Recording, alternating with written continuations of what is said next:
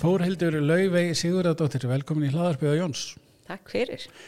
Við ætlum að, að tala um alls konar, branding og, og hérna, skapandi hugsun og, og alls konar skemmtilega hluti og við hérna, kannski má segja það að við séum hérna stödd núna því að núna er í dag 24. mars og klukkan er rúmlega þrjú sem þýðir það að þegar við hlustum á þetta í framtíðinni að við vitum að akkurat núna er fundur þar sem hefur verið að tala um nýjar ástæðanir út af COVID og eitthvað en við sitjum bara hérna inni og höfum hugulegt og, og tölum um eitthvað skemmtilegt er, er það ekki bara, er það ekki gott plan? Jú, mér finnst það ekki að plan. Er það ekki? Jú, ég var einmitt að hugsa að ég kom einhver inn bara, æ, hvað þetta er bara þægilegt að Er vera það bara ekki? hér. Já, já, ekkert að spá í því Herðu, segðu mér aðeins svona bara um þig hvaðan uh, þú ert og hvað svona þína svona mentun og sögu og svona við erum svona aðeins búin að vera að teipla á þessu fyrir upptöku ég, hérna, duttum í gott spjall en ég glemt að taka, taka það upp þannig að bara endur tökur söguna Já, sem er kannski ágætt. Þeir sem þekkja mig vita að ég get talað mjög mikið þar lengi.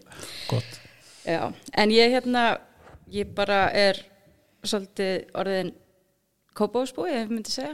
Ok, Og ég byrjaði þar, mm fættist reyndar á Bergþörugötu en fór síðan strax í Engihallan.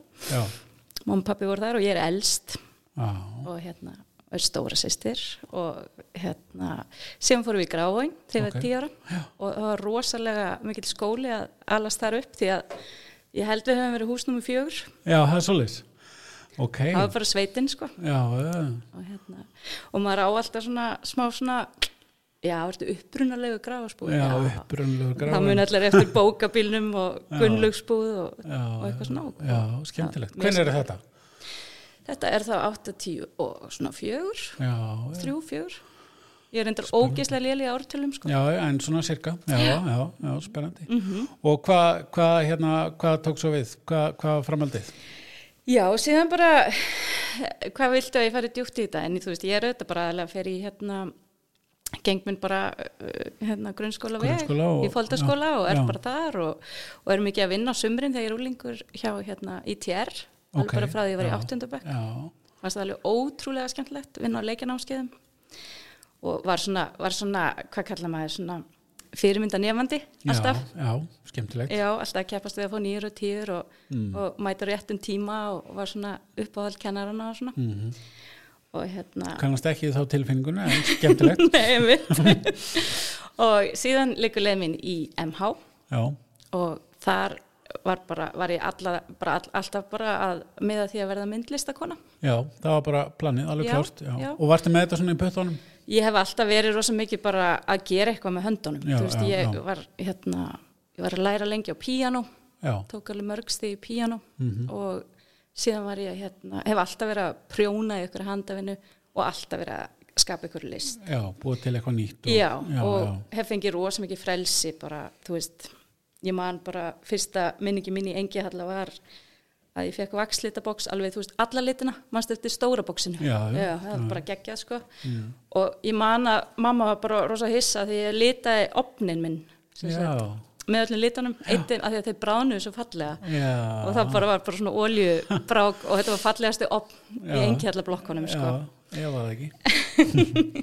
já. þannig að ég hef verið svona alltaf rosa mikil fagur keri, ég Mm. elska fallegt ég elska blóm og ég elska tónlist og ég elska að hafa fallegt í kringum mig og svona, Já, þannig að hérna skemmtilegt.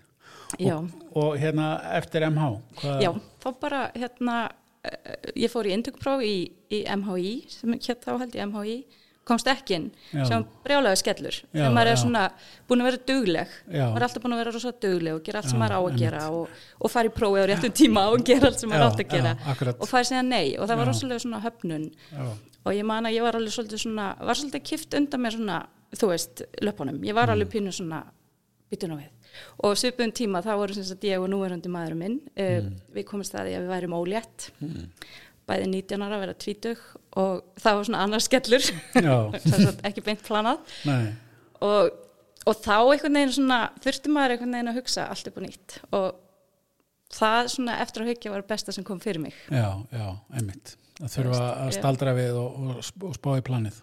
já og ég, ég raunni bara að hugsa að það þarf ekki að vera plan Já, já, það, já, ég held akkurat, að það sé akkurat, svolítið já. svona þú veist, lært á mér en eftir á og hérna og þá fór ég bara ákvað fyrir háskólan þar sem ég var bara með bumbun út í loftið og, og enga, sko, og bara stúdinspröði í vasanum og enga, þú veist starfsinslu eða neitt þannig Nei, nei. og hérna, já, og bara Hvað varst að læra í HÍ? Eh, Eða já, HÍ, eða ekki jú, eins? Já, HÍ, já, og þá fer ég bara til námsákja og var alveg lost og hún bara spyr mig hvað er sér skemmtilegast að gera já, og ég sagði lesa bækur já. ég bara glemmir ég að lesa bækur og ég hef alltaf lesið rosalega mikið af bókum og bara er aðlæta á bækur og á bara svona já, það er bara, þú veist aðal eignir mínar eru bækur Já, já, þannig að ég bara skam í bókmyndfræði já, vel gert. já, og elskaði það Alveg bara frábært. já. og ég segi alltaf að ég er fyrst og fremst bókmyndfræðingur síðan er ég grafiskur hönnur mhm, Já, og kalla mig brandara já, það er svolítið. Já. það er ljómandi gott. en það ekki Jú, hvað hérna bókmentafræðingur og svo grafisk hönnun, fórstu í það í framaldi beinu eða? já, eiginlega, sko, maður minn kláraði verkfræði og saman tíma og ég kláraði bókmyndfræði og þá var svona ekkert mikið um mastersnám í því á Íslandi Nei, það var um aldamótin já, ég hafði verið að fyrta við að ég fór í margmilun á skólan já, á svipum tíma bara svona með di Já, já, já. diplóm eitthvað akkurat. og var eitthvað að leika mér í hérna hvað heit það, svona 3D Studio Max og Já, já, svona já. 3D tekniforutum, Photoshop Já, og þá var þetta allt svona auðvitað mjög svona seinvirt þú veist, Mhm. maður setti svona eina reyfingu í gang og svo létt maður rendera yfir nótt já, já, já. Þú veist, þetta var alveg þannig já, en á sama tíma bara, já, var ég áfram bara frekar lost sko, en, Já, já. en allt æðislegt, bara Já, áttum já. þess að litlu dóttir okkar sem í dag er orðin fullan um kona Já. og hérna og vorum bara, eh, já, bjökum í breðaltinu í lítill Já. íbúð að leia og bæði námsmenn og, Já. og alltaf með núðlusúpur í matinn og eitthvað svona romantist Hvað hérna, þú veist, grafisk hönnun, þegar að, ég lærði hana hérna heima það? Nei, síðan flytjum við bara í raunni út til Danmarkur Já, og það var ótrúlega satt, ekki mikið verið að byggja um sem sagt, bókmyndafræðinga í vinnu Er í það Danmörku, nei, það var bara ótrúlega skrítið og, hérna, og ég var í rauninni alveg bara svona, oh my god, hvað er ég að gera þú veist, Mm. bara, hérna þú veist, hvað langar mig að gera þú veist, ég Mm. get ekki fara að vinna eitthvað staðar bara, hvað, við að því að bækur og ég, þú veist, ég vissi ekki neitt, sko hvað ætla ég að verða þegar ég verð stór? Já, Já.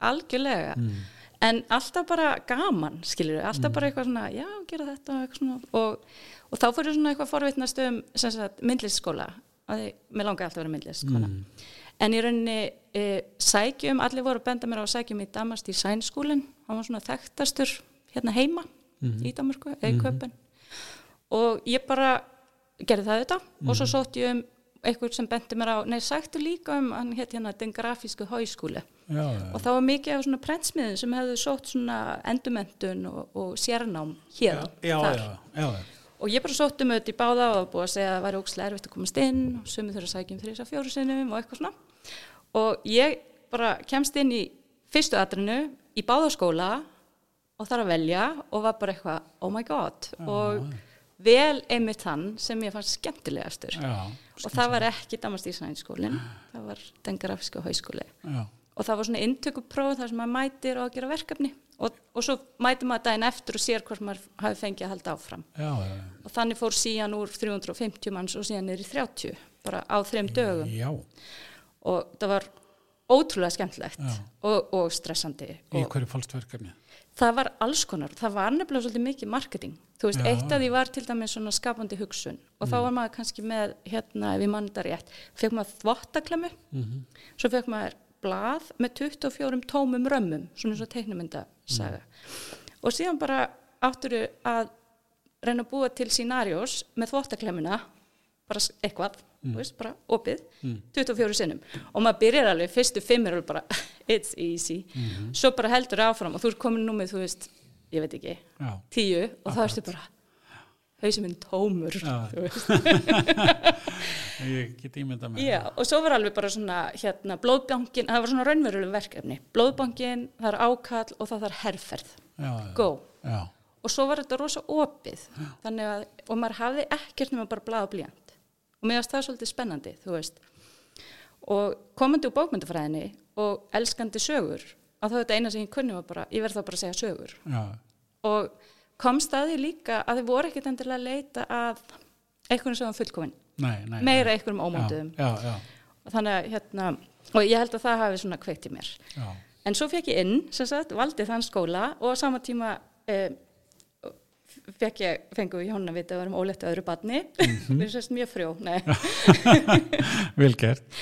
Já, og við hérna bara, ég alveg brotnaði saman að því í rauninni sko var þetta tækifæri mitt að komast inn en það var al- eiginlega alveg ómögulegt að vera með tvö lítið börn einn úti. Já, Þannig ég ringi í skólastjóran og segja hann bara nákvæmlega, þú veist, hvernig staða mín er. Og hann horfði á, eða hann sagði bara strax, betur ég skil ekki á andamálið, þú veit að bara byrja á því að fara í fæðingarálof. já, auðvitað. Ég bara, má það? Já, Þannig við bara, já, ég bara byrjaði að fyrir fæðingarlof í þessum flottu skóla og byrjaði bara árið setna og það var 30 ára háskólanám í grafskri hönnun. já. Og hvernig var, og var, var, það, var það eins gaman og bókmyndafræðin? Námið? Það, það var skemmtilegra, Já, ok, frábært. já, og það var ótrúlega gaman líka að fatta þegar maður er í 30 mannabekk og hérna vera líka eini útlendingurinn Já, að maður neyðist til að tala dönsku bara. Þú getur ákveð, ég ætla bara að tala ensku og þá ertu alltaf svona outsider eða bara vera eins og þryggjára í eitt ár, harkað af Já. og vera einn á hópnum. já, já, og líka finna svolítið svona að maður hefur alveg alltaf eitthvað fram að færa Þú veist, að þeim er fjölbreytilegi þeim er skemmtilegri jafna sko. Mhm. og það var svolítið svona lærdomurinn minn úr grafíkinni þú veist, að þarft ekki að vera bestur í einhverju, nei, nei, nei. skiluru nei, nei, en þú hefur alltaf eitthvað fram að færa Já, akkurat. þú veist, þannig að já, og það var bara ógeðslega töff skóli, þetta var mjög mm. erfiðu skóli og það var rosa mikið um hérna, langa nætur og, og alls konar og rosa svona mikið svona við erum þau útvöldu, það var Já, svolítið já, hróki sko, en, en síðan var maður kildur niður mér ógeðslega glötu Mm. um einhvernum þannig að þetta var bara já, ég, ég bý rosalega mikið af þessu námi Já, já, bara í minni vinnu Já, sem er þetta hérna eh, sem þegar við fluttum heim þá, og við fluttum að Egilstæði til að ok, byrja já, með að í rauninni það nýttist mér svo rosalega mikið að hafa verið í þessum háskóla sem var í rauninni sprutt, sprottin upp úr tækniskóla já, já, já, svolítið svipað eins og tækniskólinn myndi fara að bjóða upp á háskólanum mm. og ná já, ég skilja. þannig maður fekk svolítið svona hvað ég að segja, það besta frá báðum þú veist, ég þurfti að fara í pappísfræði og ég þurfti að fara í gegnum þú veist, að búa til herrferð on my own og ég þurfti að fara í bókaldsnám allt svona meðfram en líka fræðin og búa til rítgerðina og stúdera og allt þetta sko. Akkurat. þannig ég held að það hafi verið svona mér til happ sko, Já. að hafa valið svoleiðis nám að ég síðan bara fluttu við uh, sem sagt, að því að manninu mínum bauðst sem sagt, staða í álverinu Mm. á reyðafyrði Já, reyðafrið, já, já. og það var bara svona draumastaða og við höfum svona cirka eina nótt að ákveða hvort við ættum að flytja og þá var Nói litli, yngsta barnið, nummer Mm. Ok, þrjú, komin já, í heiminn þannig ok. að við vorum þannig 28 ára þryggja barna, Mm. allt og mikið að námslanum og höfum enga megin efna á að flytja í höfuborgina Nei, þú veist, þetta var 2006 Já, já, þetta akkurat. var kortir í bólu Já, einmitt. sem sprakk Já. Hvað, hérna, hvað veist þú að gera? Þú er náttúrulega með lítið barn, þannig að, Já, ég var, auðvitað, ég var í fæðingarólu þegar ég Já. fluttum Mm. á Eilstæð en síðan auðvitað fór ég með þetta, ég var eiginlega sömu stöðu eins og ég flutti í Kaupmannahafnar Mm. og þá var ég bara, jæja, uh, fína háskólapróf í vasanum, já. hvernig get ég nýtt þig? já, akkurat. og þá ákvæði ég bara að því að það var auðvitað svo rosalega mikil uppgangur Já, einmitt. og eiginlega bara, og, já, ég ákvæði bara strax að búa til fyrirtæki Kúpi Black Já, og bara mína sem, þú veist, ég var einirki og bara gera allt, alls konar. mhm. já, já, já. Ég var mikið að vinna in-house hjá Alcoa, í Já. svona internal Ok, communication og svo var ég að vinna fyrir náttúrgripasafnið og neskupstað. já, Ég var að vinna fyrir eitt og annað, rútfyrirtæki, um, bara name it sko, Mhm. Já. bara alls konar, gera bókakapur, hanna, logo. bara já, all skalinn. Ég bara, bara name it, þú veist, maður verður bara að byrja, byrja og ung og, og algjörlega ótengd, af því það er svolítið sem maður finnur fyrir, ef þú mentaði ekki í fæinu hér heima, þá ertu svolítið ekki tengslum. Já, já, já. Þú finnur alveg fyrir því og ég hef heyrt þetta hjá fleirum sem eru Sem er vantilega hvað þá bæði kost og galla að... hugsaði meiri gallar bara upp á því við erum svo lítið samfélag Mhm. og hérna það er erfiðar að ná trösti sem þetta viðskipti snúast um þú veist, Já, akkurat. og maður bendir maður er þannig sjálfur, maður bendir á þá sem maður þekkir Já, já, þú veist, það er svolítið þannig en þetta var rosalega Mm. þægileg tilfinning að vera svona þú veist, svona ung og óreind en finna námið sem maður er nýskriðin úr sé svo praktist já, einmitt meðan það er rosa svona, já. það var allavega smá svona styrkur í því sko. segir mér aðeins með nafnið, Cooper Black já, hvað, það er ekki flott jú, mjög í mjög farveitin já, ég, ég, ég, er svona- þetta er svolítið eins og þarna er ekki rafvirkjarnir sem ger aldrei við þú veist það er alltaf tóma dósir heima hjá sér og eitthvað Já, svona, já, það er svona já. svipa með að vera hönnur Já. og ætla hann að logoðu sitt já, að það er pínu bara svona, ok, þú hefur tímyndur já, og bara dú ekki lengri tíma, þú Já. mátt ekki eigða öllum þessu tíma í að reyna að finna hvað þú vilt vera já, og þannig ég gróf alveg bara djúft, djúft, djúft niður í sál mína og fallegasta leturgerð í heimi er Cooper Black já það er bara já. fallegasta letur í heimi Það og er bara bara þegar ég finn letur ykkur starf úti sem er sett með Cooper Black Já. þú veist, texta er skilt eitthvað það er ég bara já, það er bara sælt alveg sko þannig að ég hugsaði bara, ok, hvað gerist ef ég snara þessu yfir á íslensku Mm. K-U-P-E-R Mhm. og black er eitthvað ógislega cool við að segja black já, já. og svo bara setti ég þetta í Cooper Black. leturgerðinni já, og svo bætti við einum rauðum kassa Mhm. sem var rosa rýbranding þegar ég opnaði aftur Cooper Black núna í oktober síðaslinum og breytti ég kassanum í Hring. ring, Já. að því ég er brandari, það er rauða nefið sko. já, þetta er ótrúlega djúpt sko. djúpa tengingar, skemmtilegt en, En- en, það, en má ég segja eina fitnassögu endilega, bara af eins margar hérna, ávið já, að hérna æ, það er svona ógislega glad að maður segja, má ég segja eina fitnassögu þá er Já. alltaf, þú veist, vænt eitthvað en sko, ég skal bípa þetta út ef hún er ekki fyndin Nákvæmlega, hér átt að koma fyndin Já. saga. Nei, en hérna, ég, sem sagt, þegar ég stopnaði fyrirtæki, þá þurfti ég að tala við skattinn, auðvitað fyrir aus- austan, af Mm. Jú, því jú. að þar fæðist Kúpi Black Já. árið 2007, á því, því herrans ári. Og hérna, og ég ringi í svona eldri mann og hann segir, hvað segirðu? Hvað heitir fyrirtækið? Þannig að þurfti að skráða og fá vasknúmer og eitthvað svona. Ég leik Cooper Black. Hvað segirðu? Kúbla bla. Og ég leik, nei, Cooper Black. Og svona gekk þetta alveg bara svona. Og ég var auðvitað alltaf bara sjálfs efinn bara, ok, þetta er ekki gott nafn. Þetta er bara Nei. ræðilegt nafn, Já, þú já. veist. Og, hann, og, hann, og ég segi eitthvað svona, þetta er kannski bara ekki gott nafn.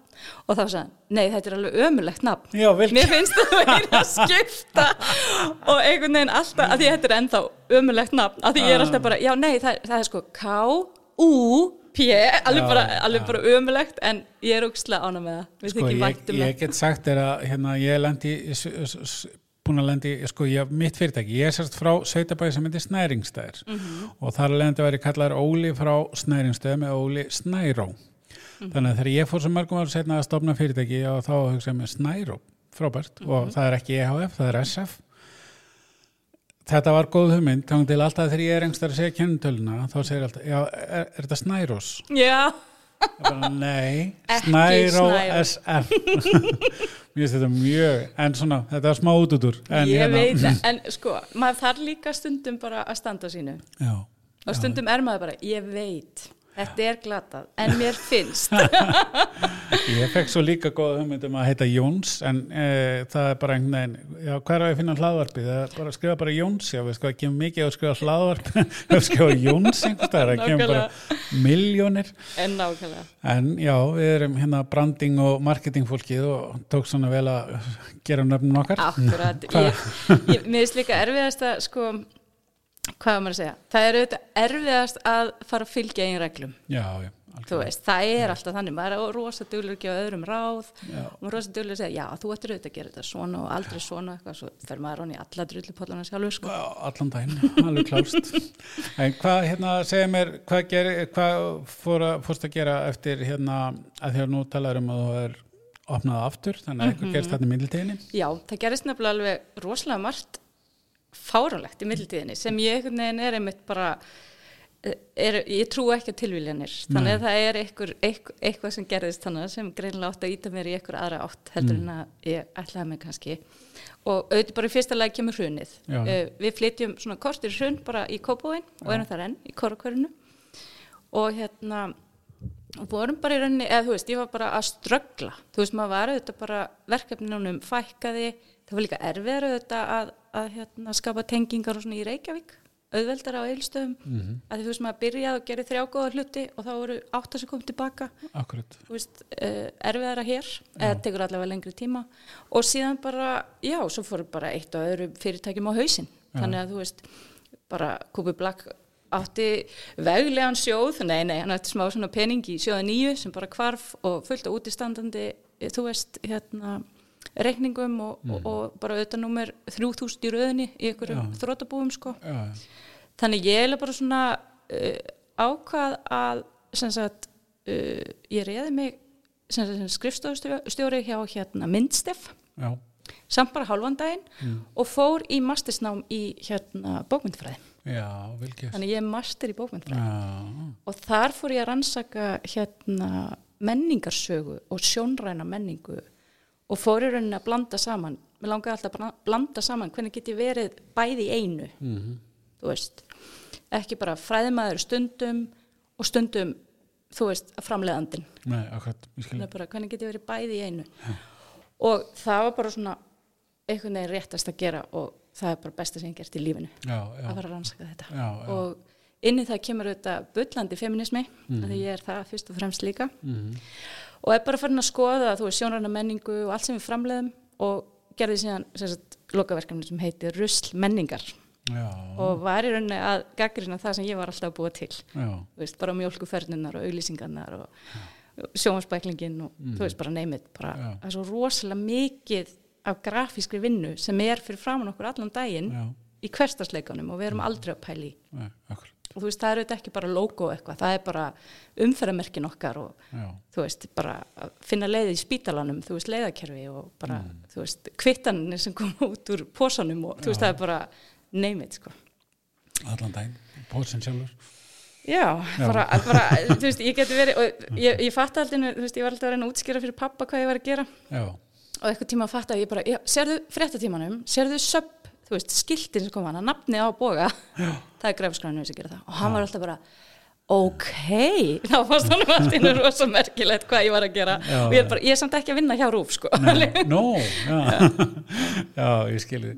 En hvað hérna, og í kjölfærið að námi, því námi, hvað, hvað, já, þá, uh, hvað gerði ég þá? Já, þá var ég hérna, uh, allavega bara, að því þá var nú farið nú eitthvað að glæðast, svona atunlífið, það var svona 2000 og hvað, 11, 12 held Mm. ég að ég klári masterinn.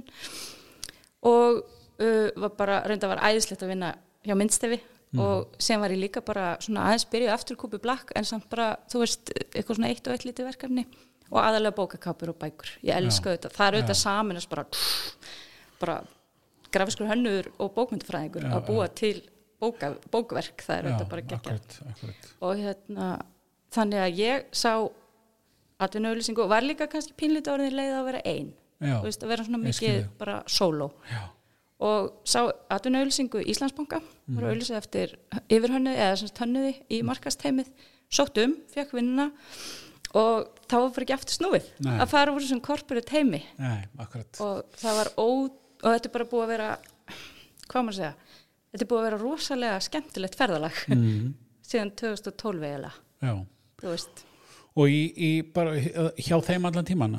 Nei, svo Nei. Um, ég er þar í, eins og ég segi, ég er svo lélum að ártöl Nei, um, allt í til lagi. 2000 og held ég 16 Já, en ég er rauninni sko, það- ég er búin að læra svo mikið, ég sem sagt byrjaði hjá Íslandsbanka, fer þaðan yfir í krónuverkefnið já, og í rauninni til festi Já. og þaðan fer ég yfir til orku náttúrunar -hmm. og þaðan rauninni bara núna í fyrra í oktober fer ég aftur í sjálfstæði já, og ég er pínu svona bara mér liði pínu eins og ég hafi farið í eitthvað svona crazy rússipannaferð og svo er ég eitthvað svona aftur lent og ég bara, Já. ok komin aftur á þitt. já, og mér liði svona eins og ég sem er bakpoka sem er stút fullur af þekkingu og reynslu sem ég hef lært á leiðinni Já, og ég fann fyrir þessu fyrir svona rúmi ári síðan og það var alveg fyrir COVID og allt sko sem ég var búin að taka ákvörðun bara í samræði við orku náttúrunar að ég færi svona að hætta og færi út í sjálfstætt Já, og það var svona, ég bara fann það já, og það var svolítið merkilegt að vera sko annars vegar að hafa þurft að verða einirki að því að varurinn ekkit annað Mhm. akkurat. og hins vegar að fara í bara ég þarf Já, einmitt. eða bara eitthvað köllun, bara eitthvað svona ég veit þetta er rétt, það Ég er bara skilji. I know og rosa mikið svona uh, bara svona brett upp ermar og nú þurfum við að fara að gera eitthvað Já, og þannig að ég hérna er í rauninu bara búin að vera þarna áður en ég starta núna síðasta oktober þá er ég í rauninu bara búin að vera að pæla og hugsa og skoða hvað er það sem ég hef sem er eitthvað sem verði fyrir já, aðra einmitt. og, og, og hvað er það? Það er í rauninni ekki neitt. Nei, djók. Já, þá ljúkum við þessu viðtali. það er í rauninni að vera þessi bókmyndfræðingur, að vera þessi storyteller og binda og vefa saman í rauninni samhengið, þú veist, búið til samhengi. Og það sem ég sé og fatta í rauninni alltaf meira og meira, uh, að ég nú vinn ég með mörgum ólíkum fyrirtækjum, að hérna, það er samt alltaf, alltaf þetta sameigilega, það er þessi blessuð síló, það er þessi að blessuð um mitt hérna lokuðu hólf sem þarf að opna á milli og fara bara, þú veist, ég veit þetta er klísulegt en að fara bara að vinna meira saman Já, þú einmitt. veist, og deila meira þekkingu hvers annars, læra hvert, hverju öðru um, fara í líka að vera miklu meiri í augnæð já, þú veist, Ok. okay. hætta, hætta að vera í þessu ég er yfir þér, ég á bara að gera þetta en, en þetta, er, þetta er ekki mitt en finnum einhvern ég að gera þetta eitthvað svona og fara svolítið bara í sko, auðvitað fyrst og fremst það sem ég er mestan áhuga á að fara í augnæð við viðskiptavinnin já, og fara bara að hugsa absolutt bara fyrir hvern er ég að gera þetta já, akkurat. og meina það Já. og fara síðan að gera það Já, af því að það er rosa mikið í gangi svona ég finn bara rosa fyrir því, það er rosa falli hug, hugsjón og það er mikið um orð Mm, en það er minna um aðgerðir já, einmitt. og ég finn bara um, kannski er það aldurinn Mhm. kannski er þetta að vera komin yfir fertugt og vera bara svona ákveð, ok, hann getur við ekki bara byrjað þú veist, Já. ég er orðin svona óþólmóð Já, já, ok. En líka það sem ég sé og mér finnst vera óbúslega tækifæri í að það er fyrir vörmerki að fara að gera gagn til góðs Já, og fara að nýta sína krafta þegar, þú veist, á þeim vikstöðum sem hendar ákveðnum fyrirtækjum að bara just do it, skilur Já, við já. bara, þú veist, að finna í hverju eru þau bestir og hvar í rauninni, ef þú breytir hér til góðs, hvað sem er fyrir umhverfið um, jafnbretti eða minnum áttar, Mhm. alveg saman hvað það er bara svolítið, hvað getur þú sem fyrirtæki gert í dag frekar auðveldlega að þú ert vanuð í, skilur við en það gefur svo mikið slagkraft út í þjófélagið að það er bara svona margfalt já, já. og minnst það vera svolítið svona það er öll fyrirtæki að vera að skoða myndist, þú myndist aðeins á krónuna Mhm. áðan, hún er kannski eitt dæmið með eins og til dæmis að setja frá sér vörur sem að eru komnar á síðasta sens Algjörlega. og sliðis já, ég myndi segja ef að, ef að, ég hef, ef að, ef að Íslandsbanki, Krónan og Orka Náttúrunar hefði verið námið mitt sem ég lít algjörlega á þannig að í Íslandsbanka lærði ég að fá rödd mm. að þá þú sért hérna einhver hannur í markastild þá skiptir máli hvað þú segir og það hefur áhrif já, og að þar bara er það að vera nummer eitt í þjónustu, að lifa brandið mm. Birna Einars er þetta bara snillingur í að ná til starfsfólks já, og upplöða þetta fyrst inn á við já, og svo út og, og bara þar lærið ég líka marketing já, einmitt þú veist, bara um hvað snýst þetta marketing já, sem þetta er bara í áli vinna Já. og þú veist og hérna og er einmitt bara vinna allan daginn, allan klukkutíman þú veist það er þessi skref sem verður að hlaupa Já. og hérna og síðan í krónuverkefninu þá og ég er enni sko er fengið þangað inn af Karinni Rúnars sem var að vinna í Íslandsbanka já, já, og hún var þar nýttekju við í, í krónni ok og svona eiginlega nær í mig eða Já, svona við allavega finnum okkar farveg saman og höfum unnið mjög mikið saman og erum enn að vinna saman já, og hún er bara svona minn mentor fyrirmynd já, frábært og, hérna, og það, hún kendi mér eitthvað sem heitir virðusauki Nei, virðusaukandi verkefni Ég Já. hefði, hmm, þetta er spennandi já, Nei, en aðalega það að hugsa með hjartanu og það er bara alveg ekkert droslega margir sem er að gera það nei, nei, nei og það- akkurat, maður heldur að sé svona common sense já, akkurat En einhvern veginn þegar þú ferð inn í businessin þá er eins og það megi ekki en í dag er auðvitað ótrúlega mikið að breytast já, já, já, al- og maður horfir auðvitað eins og höllu Tómasar já, og bara hvað hún er að segja út af við hvað þetta skiptir máli Já. Mm. að það megi vera svona í business og maður eigi að vera það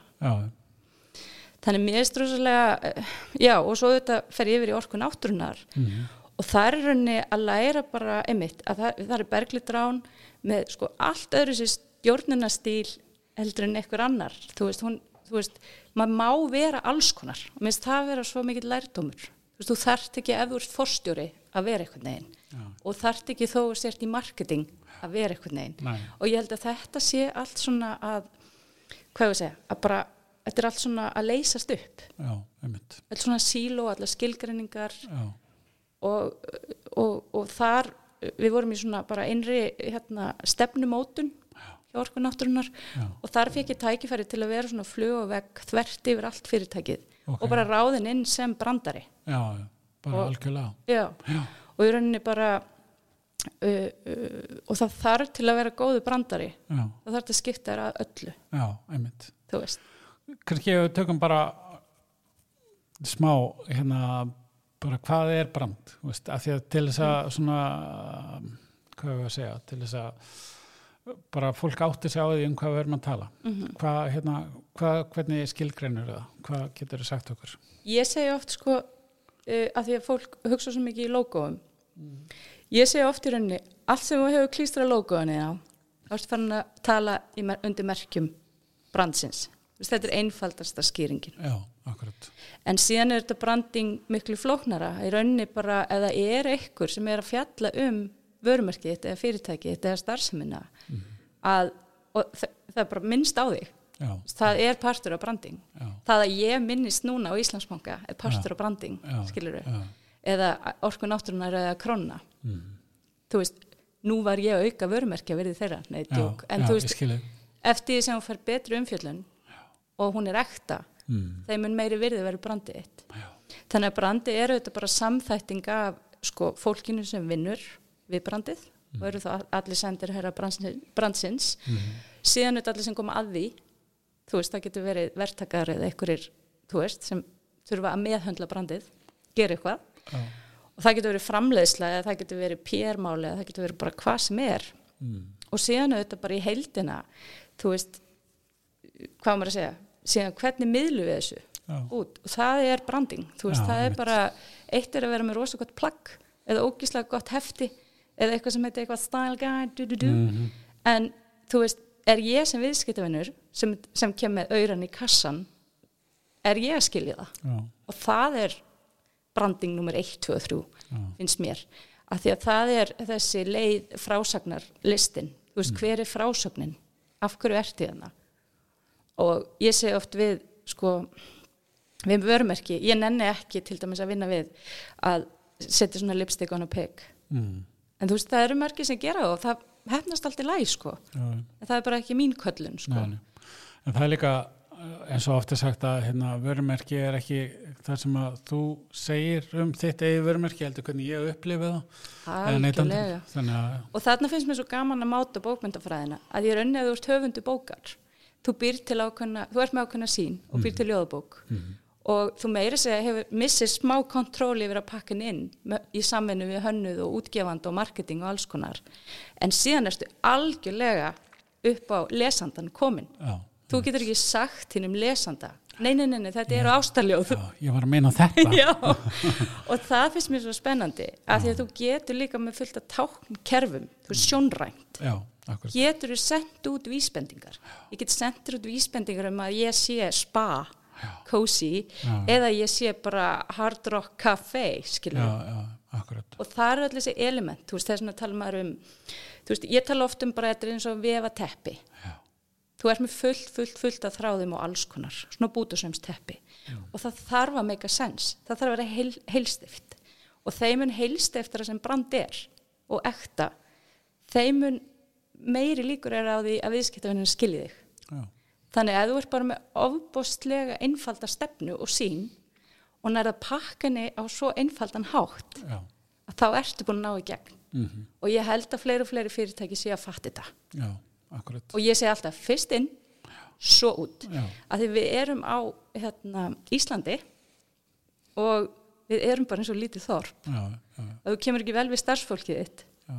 það er nú bara mjög fljótt að koma í baki að þér skilur Já, já, já. þú veist eins og mörg ný hérna, dæmi sína fram á í fjölmiðlum og annars þar þannig að það er bara, þetta er mjög fljótt að skilja svo og það er líka bara þessi umræða um brandið ég hef svo sem alveg þú veist, sagt hitt fyrirtæki sem seg, ég segi við að hérna, herri, þið er nú aðeins að vera að kíkja á vefin ykkar eða, eða á samfélagsmiðluna ykkar eða eitthvað, það er ekkert að frétt við þurfum þess ekkert, við erum ekkert að selja þetta í gegn eða eitthvað svona Nei, það, einmitt. það er bara Þetta er ekki þannig sko. Nei. Það, hérna, nei, þú vilt samt fór starfsfólk. Hvert eldar starfsfólk hver er að fyrsta sem að vil læra um vörumerki þetta, brandi þetta, fyrirtæki, það er Mm. á vefin eða hittir einhvern. Þannig að skilabóðin þurfa að vera allstaðar og, Mhm. Og í mér- samræmi. Einmitt, og það sem ég veist alltaf svo góð svona hugaleikfimi og ég, ég, ég segi oft þetta við stjórnendur og, og það sem er svona að hugsa, já en þurfum við ekki og þurfum við ekki að og ég segi alltaf, ok, ef þú hefði bara tíu myndur, hvað myndur þú velja? Þú Veist, og ef þú mátt bara velja eitt, hvað myndur þú velja? Já. Þú veist, hvað er að það skiptir öllu máli? Já, Og ég veit að flesti, já það eru þetta svo flókið eitthvað, en flesti sem ég tala við, þau finna það og þau segja það já, og, og þá er maður komið með ok, takk, þetta er það sem ég mun vinna með Já. Þú veist, í krónni var það að vera með ferskleikan og græmiti já, og við settum okkur takmarkum en að vera best í því já, og það er enginn að segja, þú mátt alveg setja það takmark um að verða heimsmystari já, já. kannski verður aldrei heimsmystari en bara um leið og allir í liðinu vita við ætlum að gera það muniði mm. þá eru þetta ferðalagið orðið svo miklu skemmtilegra já.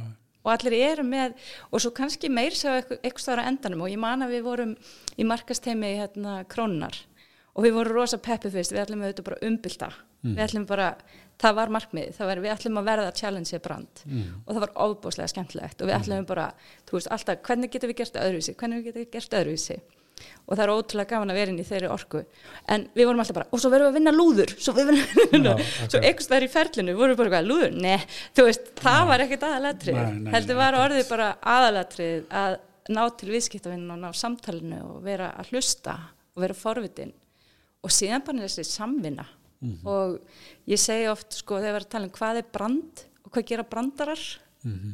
ég segi vel, við gerum eiginlega ekki neitt Nei. við erum í rauninni bara að horfa þú veist, þetta er svona bæði að vera með þyrlu sína og svo kafa alveg niðri bara að byrja akkur með grænan lit hér þú Já, akkurat. veist, bara svona vúp og Mhm. svo vúp Já, upp og svo bara zoom, zoom, Já, já. mikró, makró já, já, akkurat. og hérna, og góði brandarar gera það Já, þeir eru ekkert og góði til að setjast niður og velja tónstef nei, eða jafnvel setjast niður og meitla fyrirsögn Mm. í tvo daga nei, nei.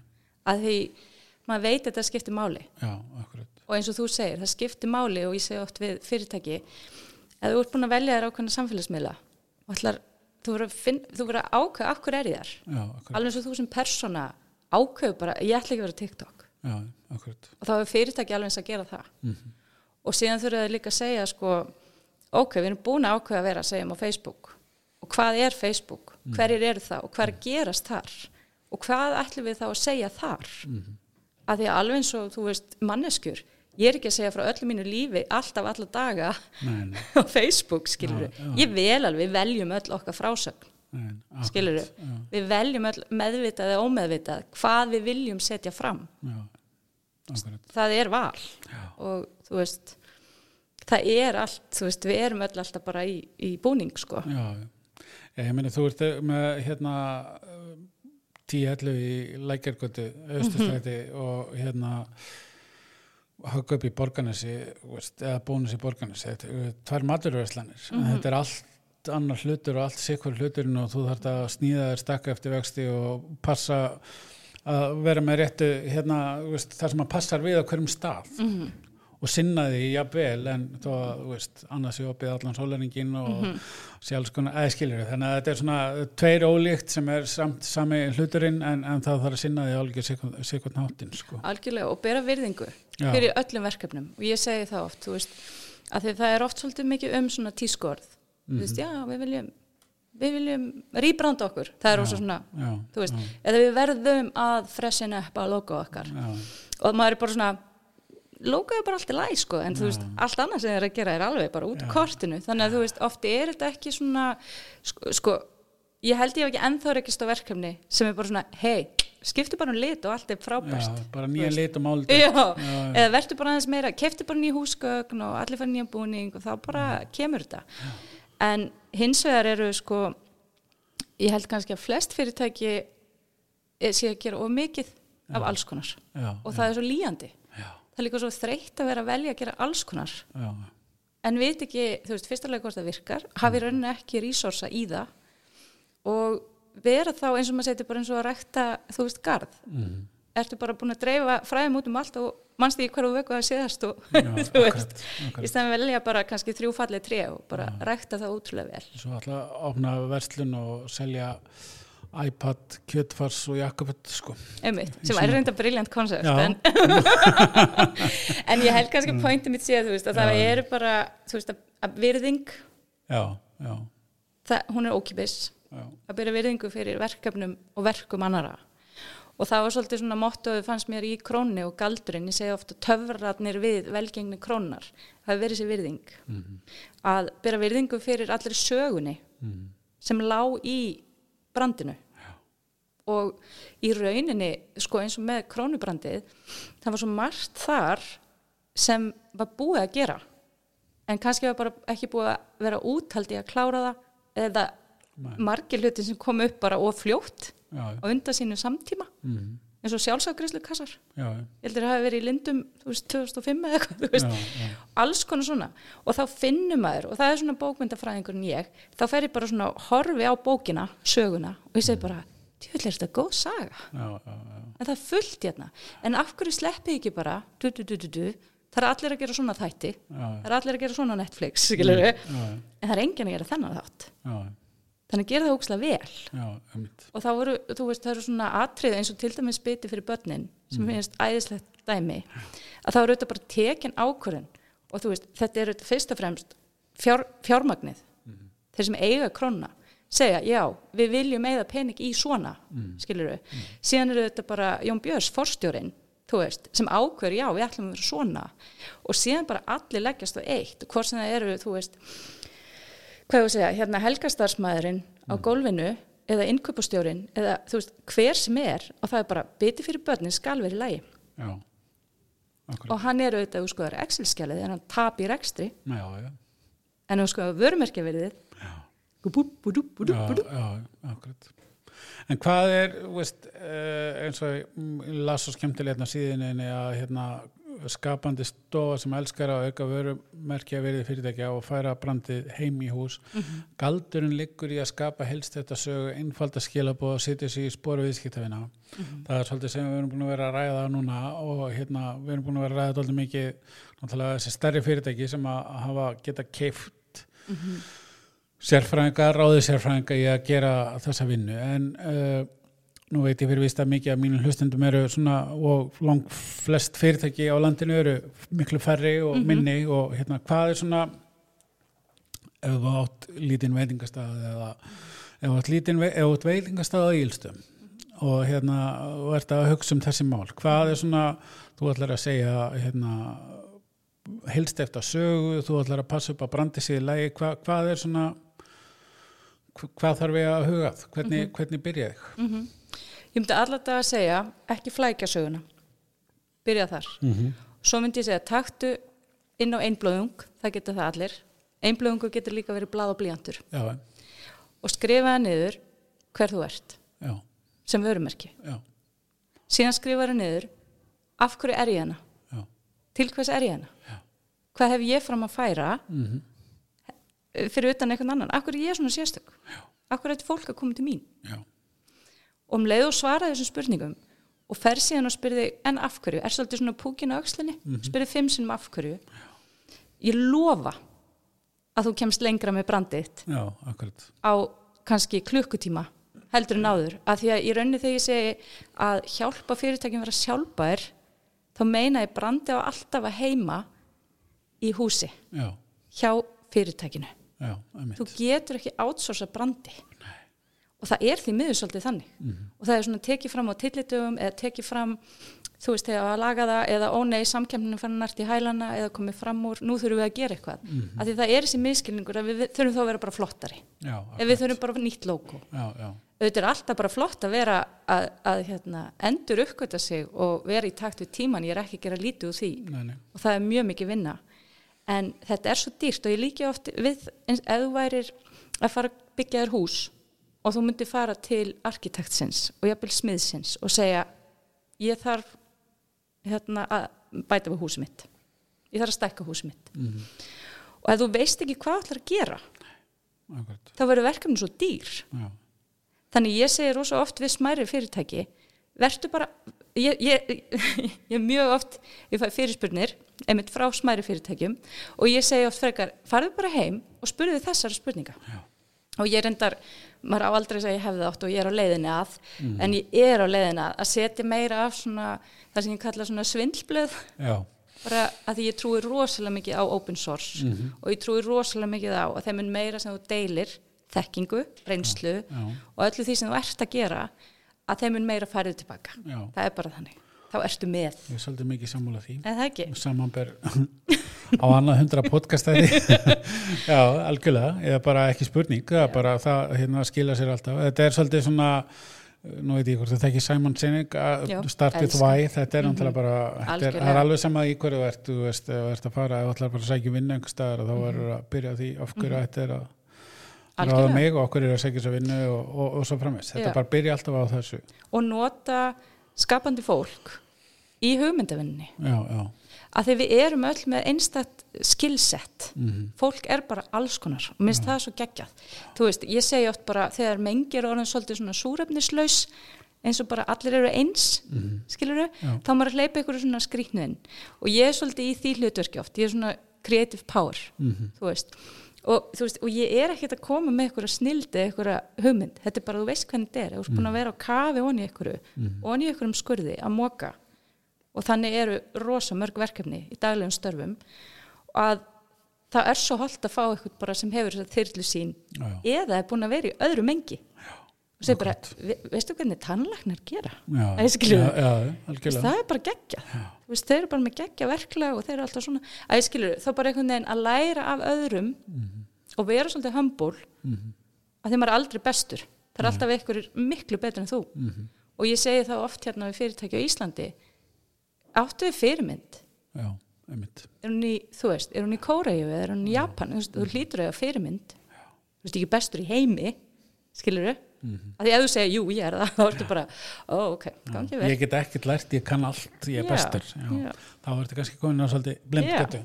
En til þess að fyrir ekki til að klára þarna með veitingastæðan og eilstöðum Já, að þá held ég að sé líka bara mitt svona, mín ástriða er að hjálpa fólki hvernig þú getur sko verið sem mest sjálfbær og það er í dag líka bara 2021 það er rosa maður sem þú getur gert sjálfur já, algjörlega. og spara síðan upp peningin þá kannski meira í meiri sérfræðastóð Mm. og nýta þess að hönnuna heila Já. þú veist, grafískir hönnuði til dæmis ég er alltaf að segja þetta, það sem að, nú ætlum ég að koma að hérna, ég- Plögg, smá að sto- plögg. smá plögg með stofnandi grafíku Já. sem eru gra, hérna, konur í grafískri hönnun Já. sem við stofnum fyrir fjórum árum Skemmtilegt nafn. mjög skemmtilegt Mm. nafn sem hún Svala Hjörlustóttir á heiður af og það er henni sko í rauninni þetta bara snýra því að fá fjölbreyttari rattirinn Já. skilur við og líka bara við getum gert svo margt sjálf Mm. og 2021 að þá eigum við að nota allar þessa, allar þessa hönnuna heila sem kannski voru hérna áður þurft að gera hluti sem tölvan getur gert í dag en ég elska að fá hönnuna heila inn í verkefni Mhm. mm. að því þau eru rosa svona já ég skil, já ekki langar að gera þetta en, en þetta er samt bara frímerki, þú veist það að ég Já, skilu, já. það er svo praktíst pluss fagfræðin Já, já, og hugsaður að fá þannig heila inn í bara pæli hvar ég var að staðsetja veitingastæðin okkar já, já, akkurat. þú veist, bara alls konar og ekkert endilega bara grafiska hönnuð, heldur bara fólk sem er vant að hugsa svona Já, bara líka, þú veist, hvað, hvað ætla ég að, hérna, hvernig ætla ég að koma skilubum á framföru á matseilin, hvernig, hvað ætla ég að segja á samfélagsmiðlum og, Já, og þarftu matseðil, Já, og skilur þar er matseðill, já, þú veist, ég, akkurat. þannig, þannig byrja svolítið hönnuður já, akkurat. að því að hönnuður þóla ekki þegar sagt, já, við erum komin hérna með flösku og þarft að að líma miða á hana þá er maður svona, já, það er nú ekki dróðsum spennandi Nei, en ef þú farið að segja, segð mig aftur, hvað þurfum við hver er þörfin, já, þú veist já, þú þarft ekki flösku Nei. skilur það er kassa, æ, þú veist og það er svo geggjaður tömból og einmitt fer mann stúru svo hérna ég ræð og þess vegna ætla ég Mm. að segja þér yfir í flæði, allir í augnahæð og þú segir bara beint út, veist ég veit ekki hvað við gerum með þetta, það er allir þistir og ég er með eitthvað hérna, hvað gerum við sér munin, já, algjörlega. Þannig Ég að- vann á tímabili með, hérna, við hliðin á grafiskum henni, eða satt við hliðin á við unnum saman og sátum hliðin á í markastildinni og hann fekk stundum hérna verkefni þar sem að, hérna, fyrirmælu ertu til í að gera þetta svolítið meira sexy. kannastu þetta og þegar að fólk kom svo til hans og sagði, hérna, og vissi ekki alveg hvað það var að byggja mig og þá sagði hann alltaf, á ég að gera þetta svolítið meira sexy og þetta voru hérna auglýsingar í ferðarþjónustu þannig að þetta var, já, þetta var, þetta var svona að- þarna hefði hann örgulega vilja að fá að taka þátt aðeins fyrr já. í ferðlinu og mér finnst líka eins og, og stundum auðvitað erum við oft í tímaþröng Já. í fullkomnum heimi hefðu við alltaf tíma fyrir rándýrafundin eins og ég kallaði það, það sem allir koma á borðinu og segja sína skoðun og, akkurat og kannski raunveruleikanum er það mjög sjálfgæft mm. uh, en það sem að kannski er aðalatrið og við hérna reyndum að vinna að og, uh, til, í krónuverkefninu og það var til dæmis Karin Rúnas svona promis, mid- m- hvað sem var, hérna primusmátur í því mm. að sem sagt reyna að vinna líka svolítið fram fyrir sig og, re- og þú veist, þarft ekki að eyða kreatífa púðrinu í hluti sem þú veist alveg já, já, ég koma og fara, skil. þú veist, Já, það kom alltaf jól já, já. Akkur þarft að eyða allir kreatífa púðrinu í að pæla hvernig á næsta jóla herferð að vera já, Vil Mm. akkurat. ég freka bara að fara meira á dýftina, hvað þarf viðskiptavinnurinn mest að öll að halda frá okkur Já. í kringum jól, hvernig Mm. get ég auðveldað? Já, einmitt. Það, það- það er eh, bara alveg algjörlega f- frábær punktur. Segðu mér svona aðeins svona á loka metrónum, hvað hérna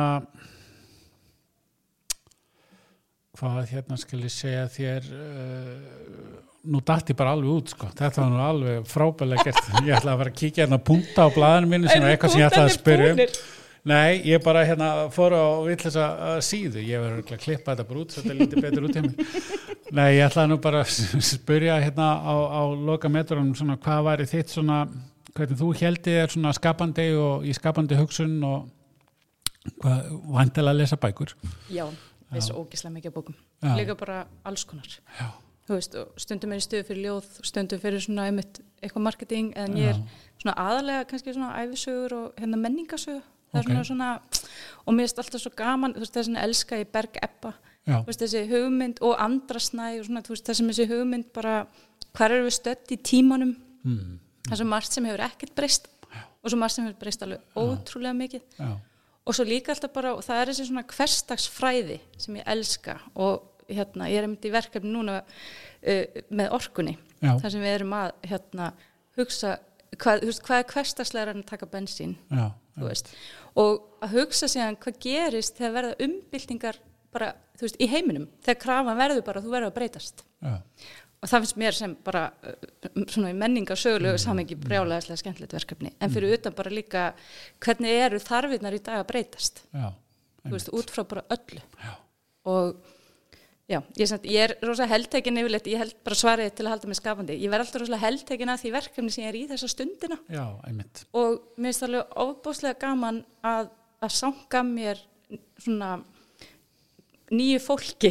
já, já, sem, en rí, líka að halda eh, hérna, treyð við það fólk sem maður hefur náð að tengjast já, já, og mér, mér líður oft svona í gegnum með þetta ferli síðustu árin mér líður svona eins og ég sem er svona perlufesti og svo svona raðast svona fallega perlur á já, og markmið mitt svona bara í lífinu er að vera með rosalega þunga perlufesti Já, hljó, ég held að þetta hljóti nú bara að vera hérna, með betri loka orðum í hérna, þessum þáttum hjá mér að hérna, markmið í lífinu sé að vera með þunga perlumhesti. Ég hérna Þórhildur Laufey Sigurðardóttir ég þakka gælaði fyrir að koma á, í spjaldi mín og þeir sem hafa áhuga cooperblack.is sem að vilja kynast meira um þig og svo samfélagsmiðlar og eitthvað, eða ekki? endilega Já. og endilega tala við mig, mér er svo gaman að tala Já, akkurat, sko, það er hérna, ég einmitt hafið samband við í gegnum LinkedIn og hérna þannig að það, það greinilega virkar ef að fólk vil að heyra meira um hérna branding og, og lífið og hvernig á að safna í perlufestina. Takk fyrir spjallið. Takk fyrir að bjóða mér